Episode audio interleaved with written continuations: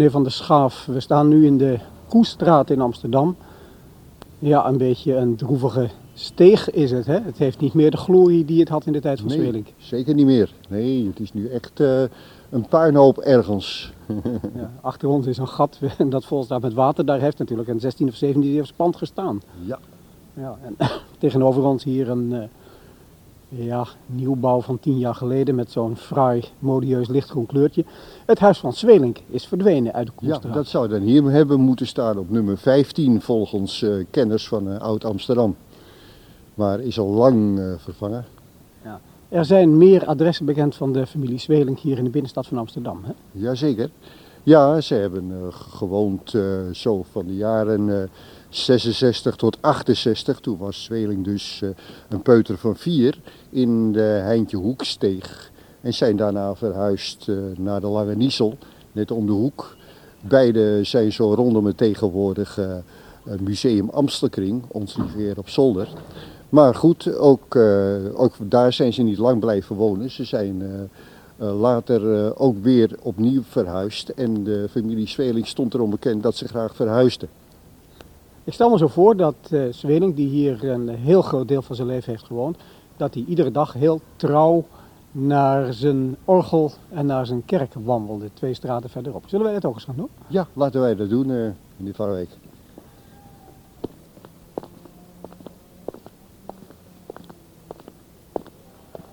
Zwelink eh, wordt organist aan de Oude Kerk in Amsterdam. En dat was in de tijd van de alteratie. Ja, maar, maar het kan al in 1577 geweest zijn. Volgens sommigen die dat afleiden uit bepaalde oude gegevens, is hij al voor die alteratie organist van de kerk geworden. En hij is dat ook gebleven, kennelijk. Ja, alteratie, Ehm, ja, verandering. Verandering. Ja, dat was eh, de tijd dat Amsterdam gedwongen werd om de zijde van de prins van Oranje te kiezen. Burgemeesters en eh, regenten streefden dat nog lange tijd tegen, maar eh, door aandrang vanuit de burgerij en zo kon men er niet tegenhouden. En zo gebeurde het ineens van de een op de andere dag dat eh, de zijde van de prins van Oranje gekozen werd. En dat had als consequentie dat er Rooms-Katholieke geestelijken de stad uit moesten. Nonnen en priesters enzovoort gingen weg. Alteratie dus, verandering van godsdienst. Ja, inderdaad. Ja.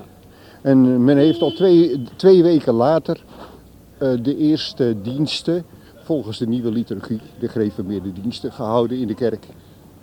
Ja, dat betekent toch dat een aantal mensen de stad moest verlaten. Ja, inderdaad. En zo ook Zwelings eh, eh, geestelijk verzorger zou je kunnen zeggen. Mede-opvoeder, de pastoor Jacob Buik van de Oude Kerk, die voelde het al aankomen. En is een paar dagen voor de alteratie al weggegaan. Want de man was fel Rooms-Katholiek. Is toen vertrokken naar Emmerik, waar hij nog jarenlang pastoor is geweest. Ja, is zojuist een bruggetje gepasseerd over de Ouderzijds Achterburgwal. Eh, we gaan nu de stoofstegen binnen. Het is hier niet echt een opwekkende buurt. Nee, inderdaad. Even verder over die alteratie. Als je verandert van godsdienst, dan, ja, dan verdwijnt er ook een deel van de muziek uit de kerk. Ja, inderdaad. eh, want eh, de in de Rooms-Katholieke eredienst gebruikelijke inleidingen voor het koor of overgangen van het een naar het andere deel hoefden dus niet meer gedaan te worden. Daarbij eh, kenden de gereformeerden uitsluitend de samenzang door de gemeente, niet door een aparte groep daaruit. En dat heeft Calvijn ook uitdrukkelijk gesteld. Vandaar dat men psalmen zong op eh, wijzen die zeer goed in het gehoor lagen. Maar bij het zingen van psalmen werd nou juist niet orgel gespeeld. Nee, er werd niet orgel gespeeld. De psalmmelodieën zijn ook van origine eenstemmige melodieën die geen begeleiding behoeven. Ja, en dat kwam de mensen die tegen het gebruik van een orgel waren natuurlijk goed uit. Inderdaad, ja.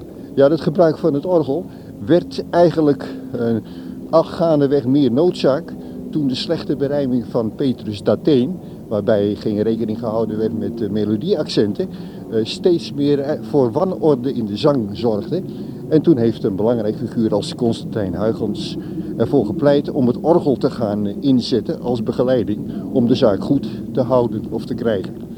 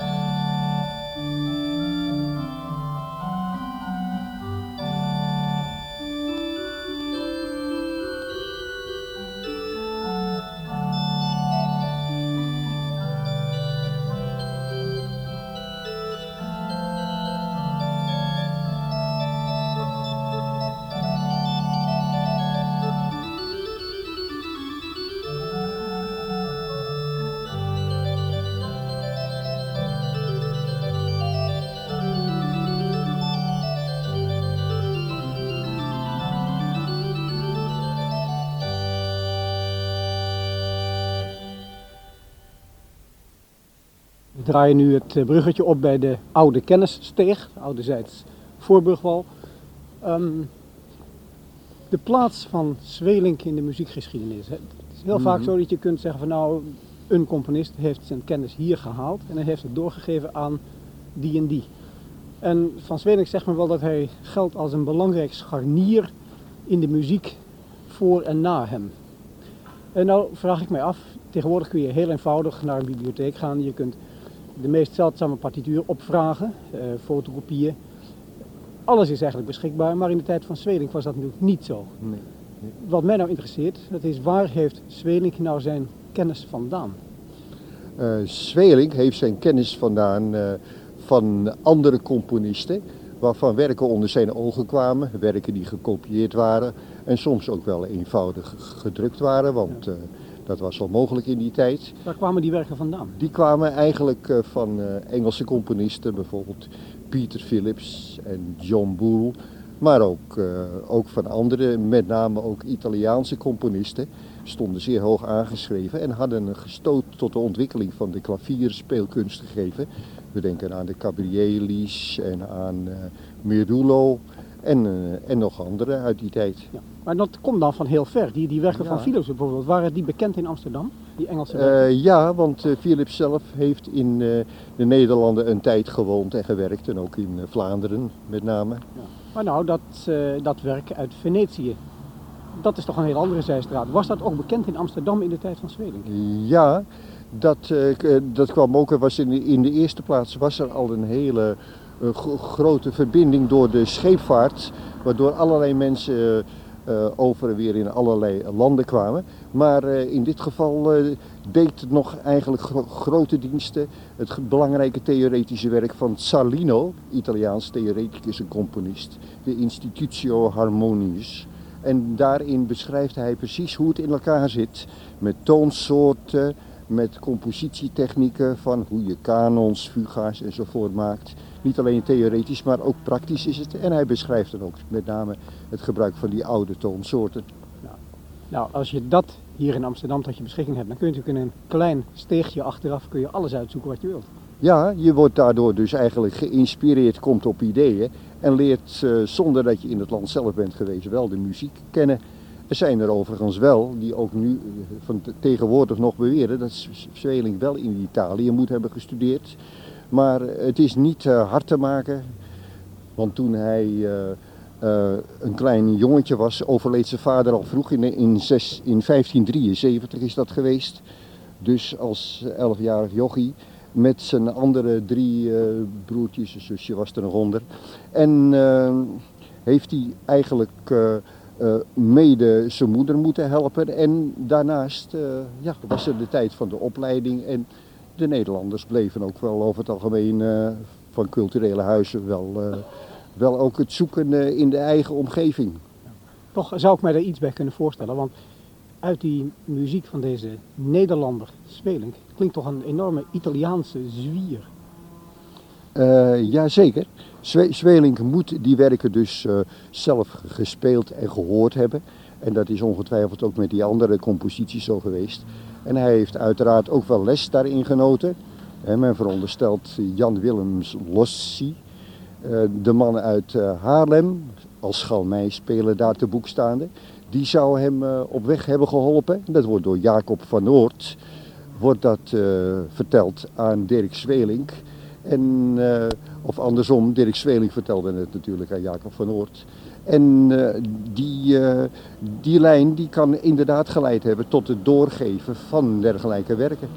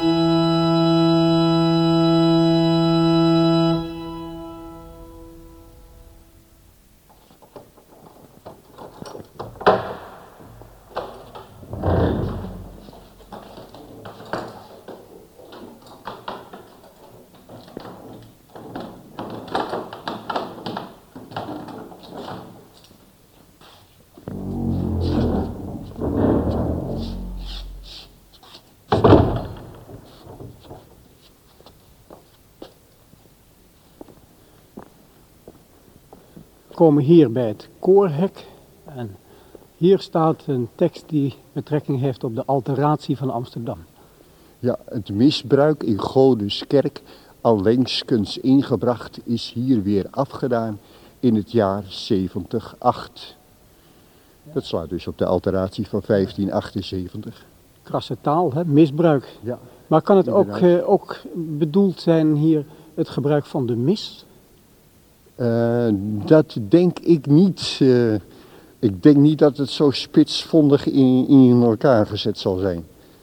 Dus de mensen, de aanhangers van het nieuwe geloof vonden inderdaad het, het vorige geloof misbruik van de kerk.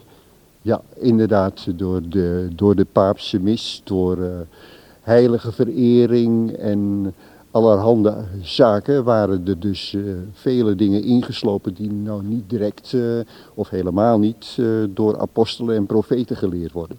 En men heeft dat dus gewoon weggedaan. Ik draai mijn halve slag om en nu staan we oog in oog met het kleine orgel dat daar aan een pilaar hangt. Zullen we eens naar boven? Dat, eh, laten we dat doen. Ja, zoals bekend is dit orgel ook niet het originele instrument waar Zweling op gespeeld heeft. Hè? In 1658 is dat vervangen. Het originele werd dan ook gebouwd door Hendrik Niehoff in 1545, maar is dan in, eh, in 1658 vervangen door eh, dit instrument. Dat wil zeggen niet eh, het pijpwerk wat er nu in staat, maar de kas is helemaal bewaard gebleven. Maar de kas is toch ook niet helemaal uit de tijd van Zwelenk. Nee, de kas is uit 1658. Het jaartal is ook duidelijk daar te lezen.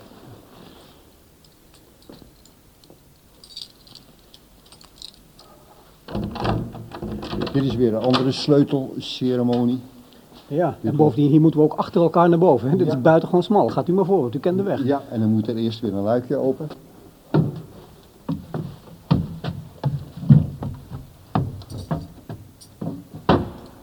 Ah, halverwege de trap zit een luik in de zolder.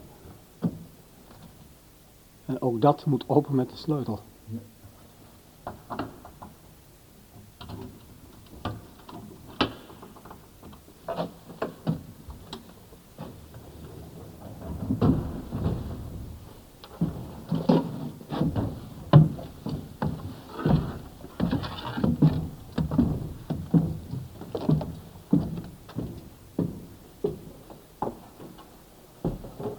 voel ik hier een paar, een paar knoppen omdraaien.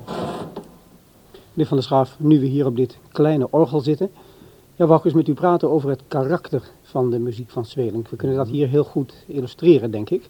Ja. Ehm, waarom klinkt de muziek van Zweling zoals ze klinkt? Dat is misschien een beetje een domme vraag, maar ik meen te weten, hij schreef in bepaalde toonaarden. Ja, En misschien kunnen we eens een bekende melodie eh, van de ene toonaard naar de andere laten gaan. Als u nou eens een paar regels van het Wilhelmus bijvoorbeeld. In C groot. De, on- de meest eenvoudige en meest bekende Ja. toonaard, waar niets meer aan de hand is. ja, ja, ja. Even kijken. Dat is deze. Zo.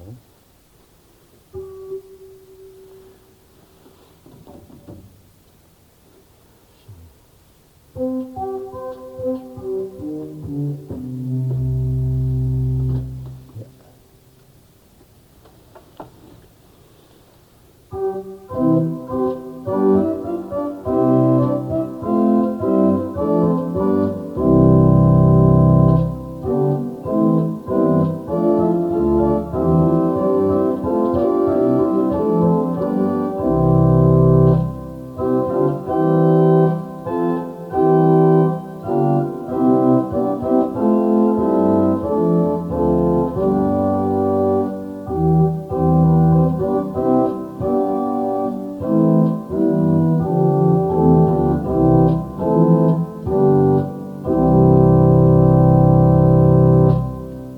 klinkt wel laag zo.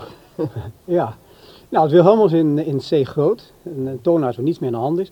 Ehm, maar nu eens in C klein, in mineur. Dat proberen we dan.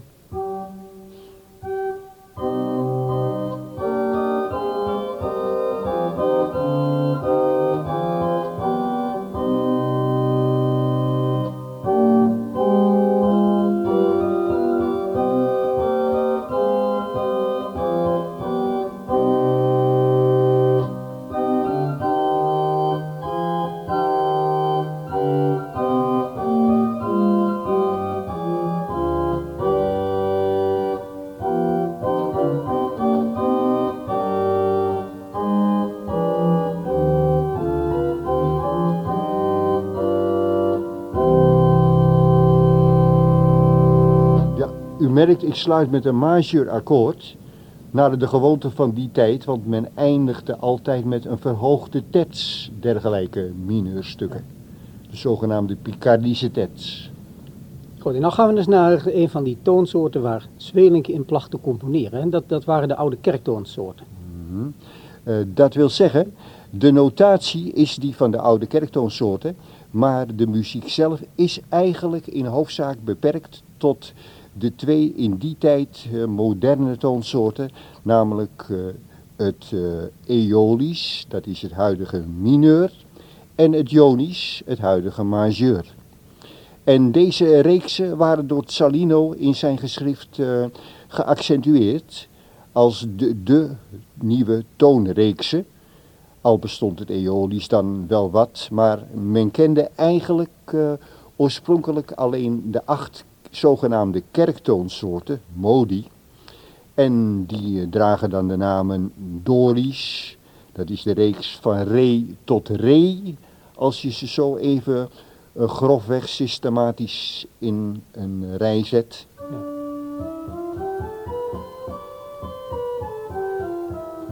En deze Dorische reeks heeft als kenmerkende toon, de toon waarin hij afwijkt van het gewone D mineur, heeft hij een zesde toon die uh, een grote sext is, terwijl die van mineur dan juist een kleine sext is. In mineur klinkt een afsluiting normaal zo. In Dorisch zal het zijn...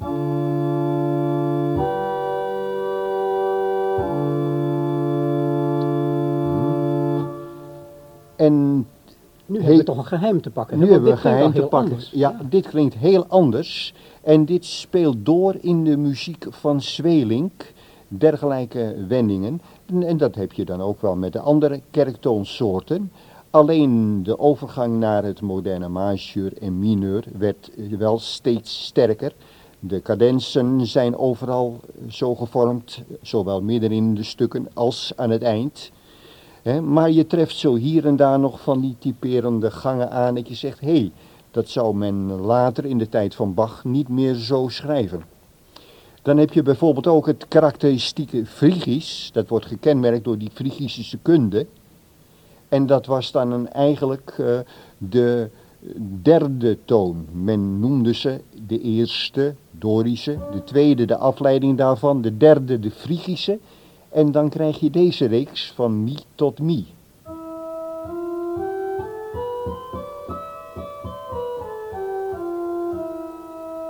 Karakteristiek, afwijkend van het moderne mineur, is dus de kleine seconde. Terwijl normaal mineur heeft een radicaal verschil. En ook daarin heeft uh, Zwelink wel typische wendingen uh, behouden in zijn muziek.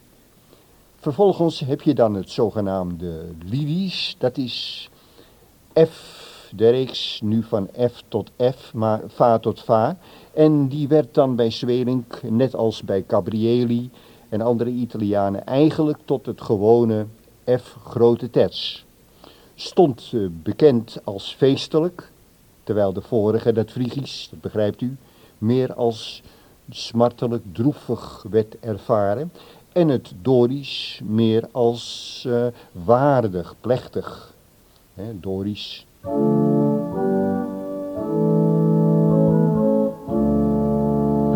En het uh, Frigisch.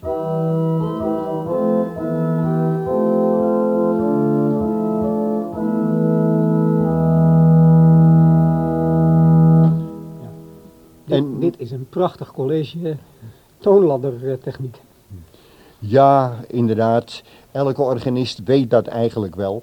En uh, het is gewoon wel interessant uh, om daar even in te verdiepen. Dat uh, ja. is tot een begrip van die muziek zeker wel, wel ja. belangrijk. Ja. Dat zou ik leuk vinden. We hebben nu die verschillende toonladders gehoord zoals in de tijd van Zwelik in gebruik waren. En we hebben nu het Wilhelmus gehoord zoals wij het zouden spelen. In onze moderne mineur en majeur. Mm -hmm. Zou u nu eens het Wilhelmus willen spelen op de manier zoals Zweding dat gedaan zou hebben in een van die kerktoonsoorten. Hoe zou dat nu klinken? Uh, ja, Zweling heeft dus nooit zuiver in kerktoonsoorten gepleegd. Er is gespeeld. Er is nooit een stuk uh, aan te wijzen van hem waarin je, waarvan je kunt zeggen dit is typisch Dorisch of Frigisch of zo.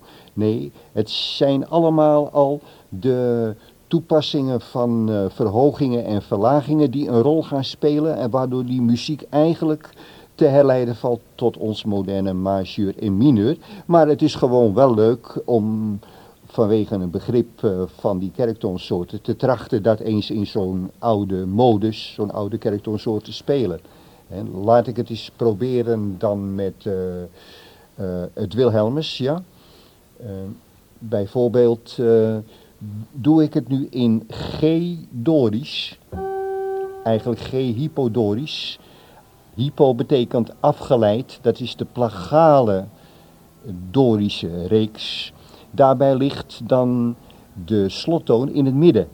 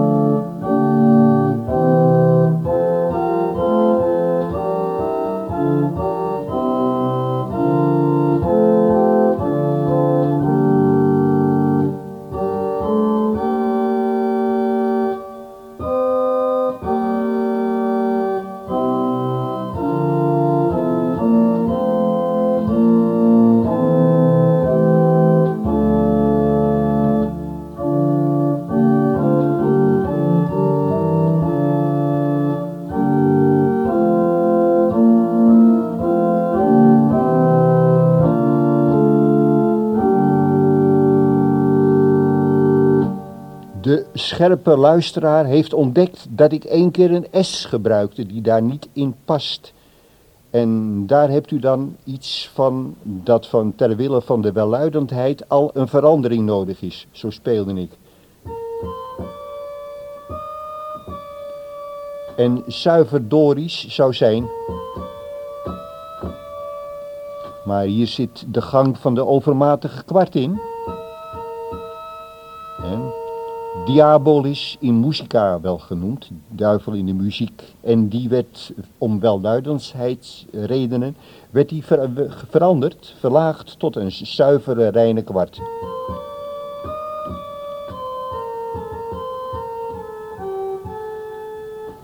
Ik voel me hier als een leerling van Zwelink op deze vierkante meter. Uh, nou, inderdaad, uh, dat lijkt er misschien wat op, maar uh, het is in wezen schijn, want Zweling zal zijn leerlingen nooit zo de compositie hebben onderwezen. Daar, daar kunt u zeker van zijn.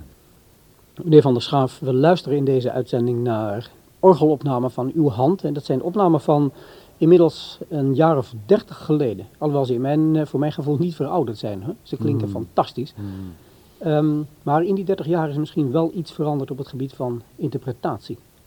Uh, jazeker, want uh, ik speelde die werken natuurlijk uh, in het, de, op de manier zoals je dat geleerd had van de uitgaven van oude muziek door Straube en Flor Peters. Articulaties bijgeschreven en zo speelde je het. Maar gaandeweg, men ging zich steeds meer verdiepen in de oude uitvoeringspraktijken mensen als Brans Buis, maar met name hier Gustav Leonhard en in, in Duitsland later Zender. En verder de school van Leonhard, Tom Koopman niet te vergeten. Die gingen erop wijzen dat je die muziek anders moet spelen, anders moet articuleren. Hoe men aansloeg, dat er ruimte waren tussen de tonen, dat de tonen geaccentueerd werden naar hun plaats binnen de maat. En dat gaf dus tot een heel andere benadering aanleiding. En zodoende zijn mijn uh, vertolkingen van die tijd eigenlijk verouderd. Al blijven ze nog wel boeien. Ook de registraties zou je nu anders doen. Er is op gewezen geworden de laatste tijd door uh, Hans van Nieuwkoop dat je vele werken in één uh, klankkleur kunt houden en dat dat voor de hand ligt naar de aard van die tijd. Hij heeft ook werk gemaakt van studie van de omvang van de orgels hier in de, in de Oude Kerk. En gezegd, die en die stukken die kon je alleen op het rugpositief spelen van het grote orgel. Want dat, uh, dat ging uh, heel laag tot uh, groot C. Terwijl andere, ja, die waren dus korter in ieder geval. en die vereisten niet zo'n grote omvang. En uh, zodoende kom je ook tot uh, een andere benadering als je dat uh, serieus gaat nemen van de uitvoering van de werken van Zweling. Ja, nou je kunt zo langzamerhand zeggen dat bijna iedere organist of klavecinist bijvoorbeeld die zich met de oude muziek bezighoudt, heeft bijna zijn eigen interpretatie. Wat u nu zegt, is dat nou wetenschap of is dat mode? Uh, het is uh, eigenlijk uh, wetenschap. Het gaat namelijk terug op de beschrijvingen van tal van oude schrijvers die nauwkeurig hebben uiteengezet hoe men speelde. Er is zelfs bewaard ge gebleven een automatisch spelend uurwerk dat dan ook volgens de, dat type articulatie weergeeft hoe men het deed. En uh, daar heeft iemand als Ewald Kooijman met het oog op Franse uh, muziek studie van gemaakt en gezegd, kijk, daar en daar hoor je dat en dat heel duidelijk. En de, dat wordt namelijk ook beschreven door die en die, die geeft aan hoe grote afstanden moeten zijn tussen de tooninzetten. Ja, dus nu weten we het voor goed? Uh, nou, nee, daar is dus altijd weer sprake van een nieuwe benadering, een nieuwe visie. In onze tijd worden vaak meer de muzikanteske kanten meer op de voorgrond gesteld. En dit wordt dan wel meegenomen, die kennis. Maar uh, men gaat niet als uh, spelende muzikologen te werk.